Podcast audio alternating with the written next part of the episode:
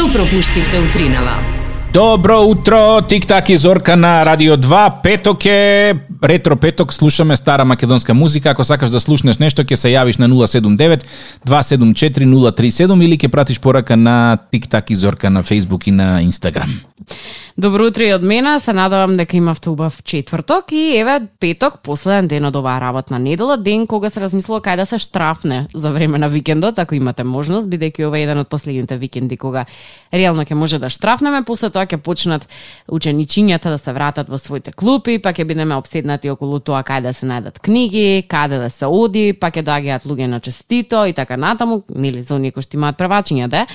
И тука некаде му доаѓа крајот, односно последниот воз да се фати за некаде да се замине. Дали сепак ќе останете во своите градови или некаде ќе му штрафнете, тоа може да си дискутираме по пат на социјалните мрежи, може да ни пишете на Инстаграм или на Фейсбук, ќе не најдете како тик-так и Зорка. Искрено јас планирам Охрид да одам викендов. Не сум бил Ау, сезонава. Охрид? Да. И мене ми се оди да ти кажам, ку знае од кога не сум била, ки знае од кога не сум била, што викаше баба ми.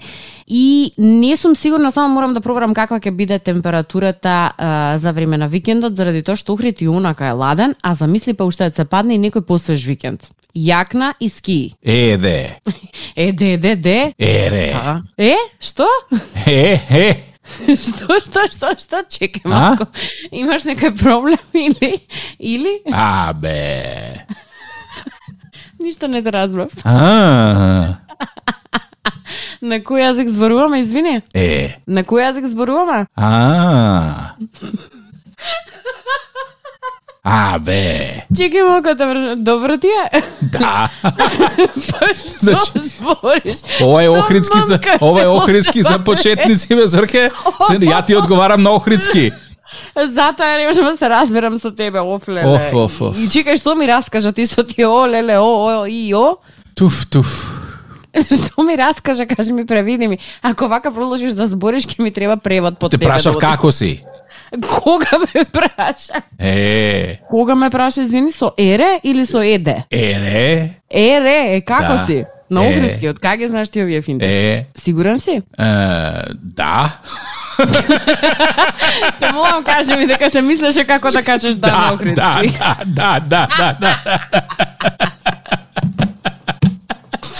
Крај. Извини само да прашам, овие мудри мисли од кај ги извади? А, ба, ба, ба, ба.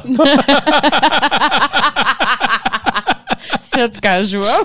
Има, на- знаеш ли кој ми е нај, најомилениот охридски збор од сите? Кој? Жглап. Жгла... Што, што е во превод? Жглап? Жглап пари в джепче. Ау! Жглап. Затоа ти е тебе омилен, сега ми е мене јасно. Оди, оди ми е по улица, јасно. жглап парички. Жглап тап. Да. Знаеш како се она кога ќе одиш е, да купиш охридски бисер со странски туристи? Добро, И не? нели чим те видат дека си странец, одма поскапа цената. Нормално. И ти прашуваш колку бисериве и он ти вика 9000 и ти викаш о ба ба ба. И жглап парите на масиче и си ги купа. Ле, ле, ле, ле, ле, ле, ле, ле, драма. Него, слушај, ја не знам како и од каде ги знаеш овие охридски мудрости, кои што се со една или две букви, меѓутоа, навистина би сакала некој да те потврди или да те демантира во порака, или ако знае подобро како тоа се Оп, оп. прави, исто така може и да ни се јави. А јас барам некој да ми преведе се оно што ти го кажа.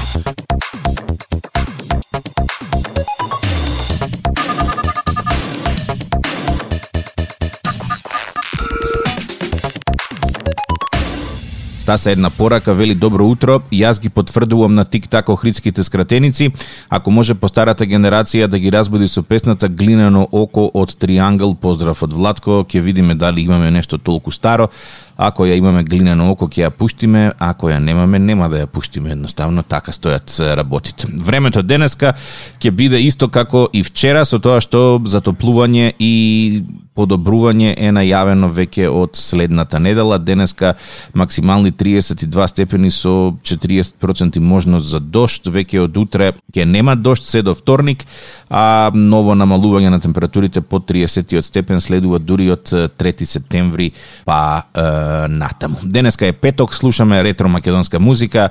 Е, ова е Радио 2, еве го Триангл. Или Владо Јаневски прво, како и да биде.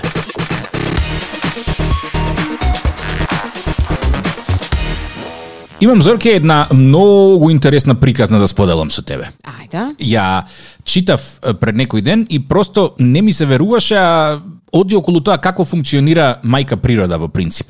Знаеш, вела цело време дека природните хабитати се нарушени, дека со изградба на браната Козијак се прекинува природниот пат на движење на одредени животни и така натаму и така натаму и така натаму и е, вртејќи по интернет пред некој ден наидов на една статија која што вели дека во 1995 година во Јелстоун националниот парк во Дивина биле пуштени 14 волци.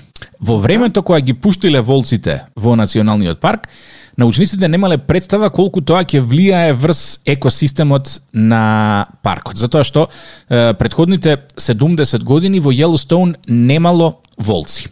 Е сега, Поради недостаток на волци, популацијата на елени енормно се зголемува, што резултира со уништување на локалната флора затоа што елениве јадат се живо и диво. Аха, добро. Е, 14 волци, секако не може да ги изедат сите вишок елени кои што постојат, ама успеваат да ги притиснат е, во еден одреден дел од е, паркот, затоа што елениве почнуваат да се плашат, има некој предатор кој што ги јаде и на тој начин голем дел од вегетацијата останува неуништена и е, на тие делови каде што елениве веќе не се маткаат, почнува вегетацијата повторно да расте.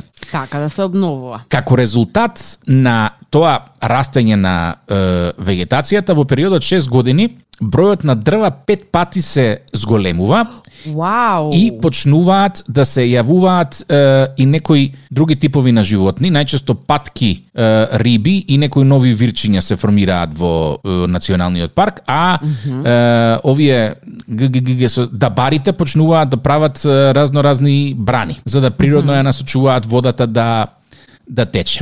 Волциве исто така напаѓаат и некои други помали е, штетници кои што е, со во принцип резултира со зголемување на бројот на глувци. Глувците Вау. ги привлекуваат лисиците, Добро. а исто така и мечките е, се будат бидејќи очекуваат дека волциве ќе им остават нешто неизедено и ќе можат и они да функционираат. Значи, од 95-та година па до денес, тоа се 30 години да кажеме, Така. екосистемот во Јелстоун национален парк се има комплетно сменето на подобро. И тоа само само? благодарение на е, 14-15 волци кои што ги пуштиле во дивината 1995 година. Вау, колку случајно, мислам случајно, сигурно имале некоја представа или, или некоја идеја што би можело да се случи, ама не верувам дека до таа танчина размислиле дека можеби ќе го спасат екопаркот. Е, сега пази друго нешто, мене ми текна читајки го ова. Добро. Е, на пирамидата на исхрана секогаш постои чек фактор. Во случајов волците, нели, се оние кои што ги контролираат елените, е, за да не настане неконтролирано размножување, и, нели, на пирамидата на прехрана секој го јаде оној подолниот вид. И на крај доаѓаш до човекот кој што неконтролирано се размножува и нема чек фактор. Што правиме Ау. тука мене ме интересира. Ме плашиш во која насока тргна муабетот. Па Дали не. мислиш дека наскоро ќе ни пуштат некој да не јаде? Па, не знам дали ќе ќе пуштат некој да не јаде, ама факт е дека со оглед на тоа што нема најској да не контролира, ние сме тие кои што представуваат во моментов најголема пречка или закана за екосистемот. Така да време е да се стави прст на чело и да се подразмисли малце во која насока се движиме. М, апсолутно се служувам со тебе.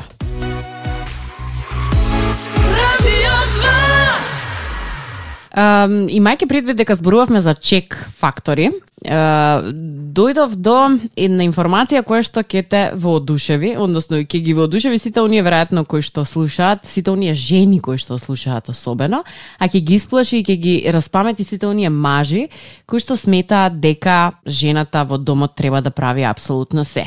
Ако се прашуваме за чек фактори општо на, на човештвото веројатно нема, меѓутоа на мажите официјално и дефинитивно чек фактори се жените, то, то нема, што не е обратно. Добро. Многу интересно Мислам, а не е обратно. Па, се, зависи како по дома сте си ја наредили работата. Да, И ти си во право. Добро. Како и да една статија вели дека на поранешната сопруга еден маж требало да ја плати 180.000 долари заради тоа што госпожава во еден даден момент се сетила дека може да го тужи што 27 години чистила по дома, а никој не е дал признание за тоа. Чекај, одма ја математика да направам сатница да извадам. Ајде, може. 52 недели по 5 работни дена, тоа се 260 работни дена. По 27 години, тоа се 7020 работни дена. По 8 работни часа, тоа се 56.160 часа работни. Колку е просек? 180.000 долари поделено со 56.106 часа, 3 долари од саат добила Зорке. Еј, многу малку. И ја мислам. Еј, лошо се пазарила. Лош. Сега ми кажа вака лошо Еве, се пазарила. ја одма чим чув 180.000, викам ова е мала сума. Штото ти е малте не два македонски минималци. Па многу лошо се пазарила. Види, женава, значи, е, 70 години кога наполнила, се сетила дека воопшто не работела во животот, само заради тоа што така се договорила со мажот, односно мажот и рекол дека таа како жена не треба да оди на работа, туку треба да се грижи за домот и да се грижи за детето. играле тато носи мама Меси. Така, меѓутоа таа како дипломиран а, економист смета дека во животот требало да биде платено сето она што го работела, иако лошо се пазарила за дипломиран економист, односно според судот мажот требало на својата поранешна сопруга да исплати 8 милиони песоси или скоро 180.000 американски долари во форма на оштета за извршување на сите домашни работи во текот на 27 години од нивниот брак. Ама добро, што не ми кажа дека у Мексико живееле. Прашањето што се постава, пак лошо се пазарила. Прашањето кое што мене ми се поставува, госпожо, дали требаше да помина 27 години и на својата 70 годишнина да ти текне дека може би сега е време да направиш е, исплата на се, цел оној твој помина труд, или требаше тоа малку порано да се случи, или во прашање е некоја превара, заради тоа што се бивши сопружници, па сега ти злато бившо ќе видиш што ќе ти се случи. Мислам дека иснемало пари, искрено, и рекла, дај сега да го тужам за тоа што стара сум, не ми се работи, дај што даш работа. Да не останеме Имам без пари ич. за пенси, старачки дом. И ја мислам дека нешто такво, меѓутоа мене ми е па од друга страна, знаеш, жал што се свестила многу касно. Јас не велам дека ние жените треба да бараме некој месечен надомест за тоа што го правиме во домот и за семејството, меѓутоа па сметам од друга страна дека треба да имаме многу свесни мажи за улогата на жената во семејството и во општеството, кои што нема да треба да чекаат да бидат ужени после 27 години брак, туку ќе е, изразуваат благодарност на своите сопруги од ден на ден. Што е Зорке прва работа што приметуваш кај спротивниот пол? М, веројатно заби, насмевка, очи. Добро. Следно? Знаеш дека раце ми се многу важни, односно ногти дали се средени? Ништо мислев ќе кажеш случаи од кола, новчаник, такви работи, ама не, очигледно тоа. Еј, си го утнал човекот скроз. Е, и постојат е, одредени критериуми за проценка на, на личност. И постојат разно разни мерни единици за тоа како тој се однесува во одредени ситуации. Копајки по интернет најдов топ листа на 10 знаци кои што можат да потврдат дека потенцијално типот го бива во, во кревет. Ау, како? А, прво и основно дава бакшиш. На што? На, на келнери, келнерки? Да, затоа што вели луѓето кои што се така дарежливи кон другите, знаат да бидат дарежливи во секоја пригода, вклучувајќи го и креветот. Добро. А, друга работа, вели, те прашува за е, мислење и на вистина слуша. Со тоа дава, ти дава до знаење дека на вистина е, му значи како ти се чувствуваш. Мгм, добро. А, вели, сака да јаде чудни храни. Како, како? Сака да јаде чудна храна. Каква поврзаност има чудната храна со тоа дали некој го бива или не? Е... Откри ми. Желбата или потребата да се јаде чудна храна Добра. е знак дека сака да експериментира и дека е насочен кон авантури и нови работи. Хам, има логика. Што добро. значи дека никогаш нема да ти биде досадно. Добро. А, допира многу предмети. Значи, допира Тоа е се. гнасно. Тоа е гнасно. Не, тоа значи дека многу ги користи своите раце и дека најверојатно и ти ќе го добиеш истиот третман. Со миени или со немиени раце? Многу важно. со, со, со 2 метра растојание, апропо ковид протоколите. И со ракавици, добро? Да.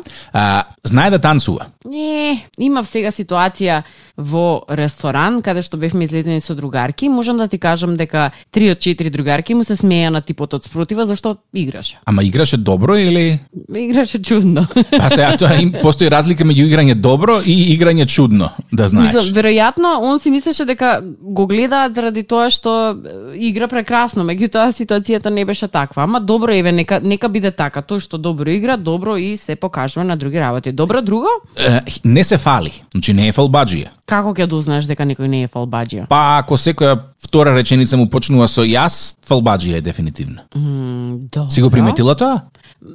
Сум приметила дека многу луѓе си заставаат себе си во фокусот, ама не е дека јас секогаш е со фалба. Јас секогаш е фалба, Зорки. Не, јас е јас, ти си ти. Ма, ма јас се, јас секогаш е фалба, стојам на тоа, точка. Добра, не, нема да се расправам на оваа тема. Флексибилен е, и психички и физички. Добро. Тоа значи Ти- дека што? Знаеш што, те слушам, те слушам и ти цело... Е, е, Абе, наука е цело ова. Наука ми, е ми ова. знакажа ствари и се на крај ќе испадне дека таков човек не постои. А, Или Постои евентуално ако постои веќе некоја дамна си го омажиле. Види, што повеќе од овие карактеристики ги има, тоа е подобар. Не мора да ги има сите. Меѓутоа, подобро е да има една од ни една, подобро има две од една, подобро да има три од две. Сега, колку тебе ти треба? Звучиш како кафе. Три во едно. Сама ќе си заклучиш. Radio 2 Добро утро, повели. Заве се вара ако може една песна оно и изградира јасно сонце. Секој ден ме слушам, јас сум по поле, па сум си овци, ве слушам, многу ви благодарам на овој емисија давате. А кој е таа изгре, изгре јасно сонце? Па името е на Охридско езеро. Одамна би требаше да биде песма на Евровизија, ама за да некој не... Ау, ти од Гиш ја бараш песната. Да, да, та изградира јасно сонце, многу ми се допаѓа. А, јасно, ќе ја побараме. Добро, ајде тик-так, поздрав и Зорка. Фала ти многу за поздравот и е, ја најдовме. Не, тија, гиш, изгреј, изгреј, е, самобилска свадба се вика инаку да знаеш. Ова е Радио 2, Ретро Петок. На Радио 2, секој работен ден од 7.30. Будење со Тик-так и Зорка. Во случај на неконтролирано смеење и симптоми на позитивно расположение, консултирайте се со вашиот лекар или фармацевт.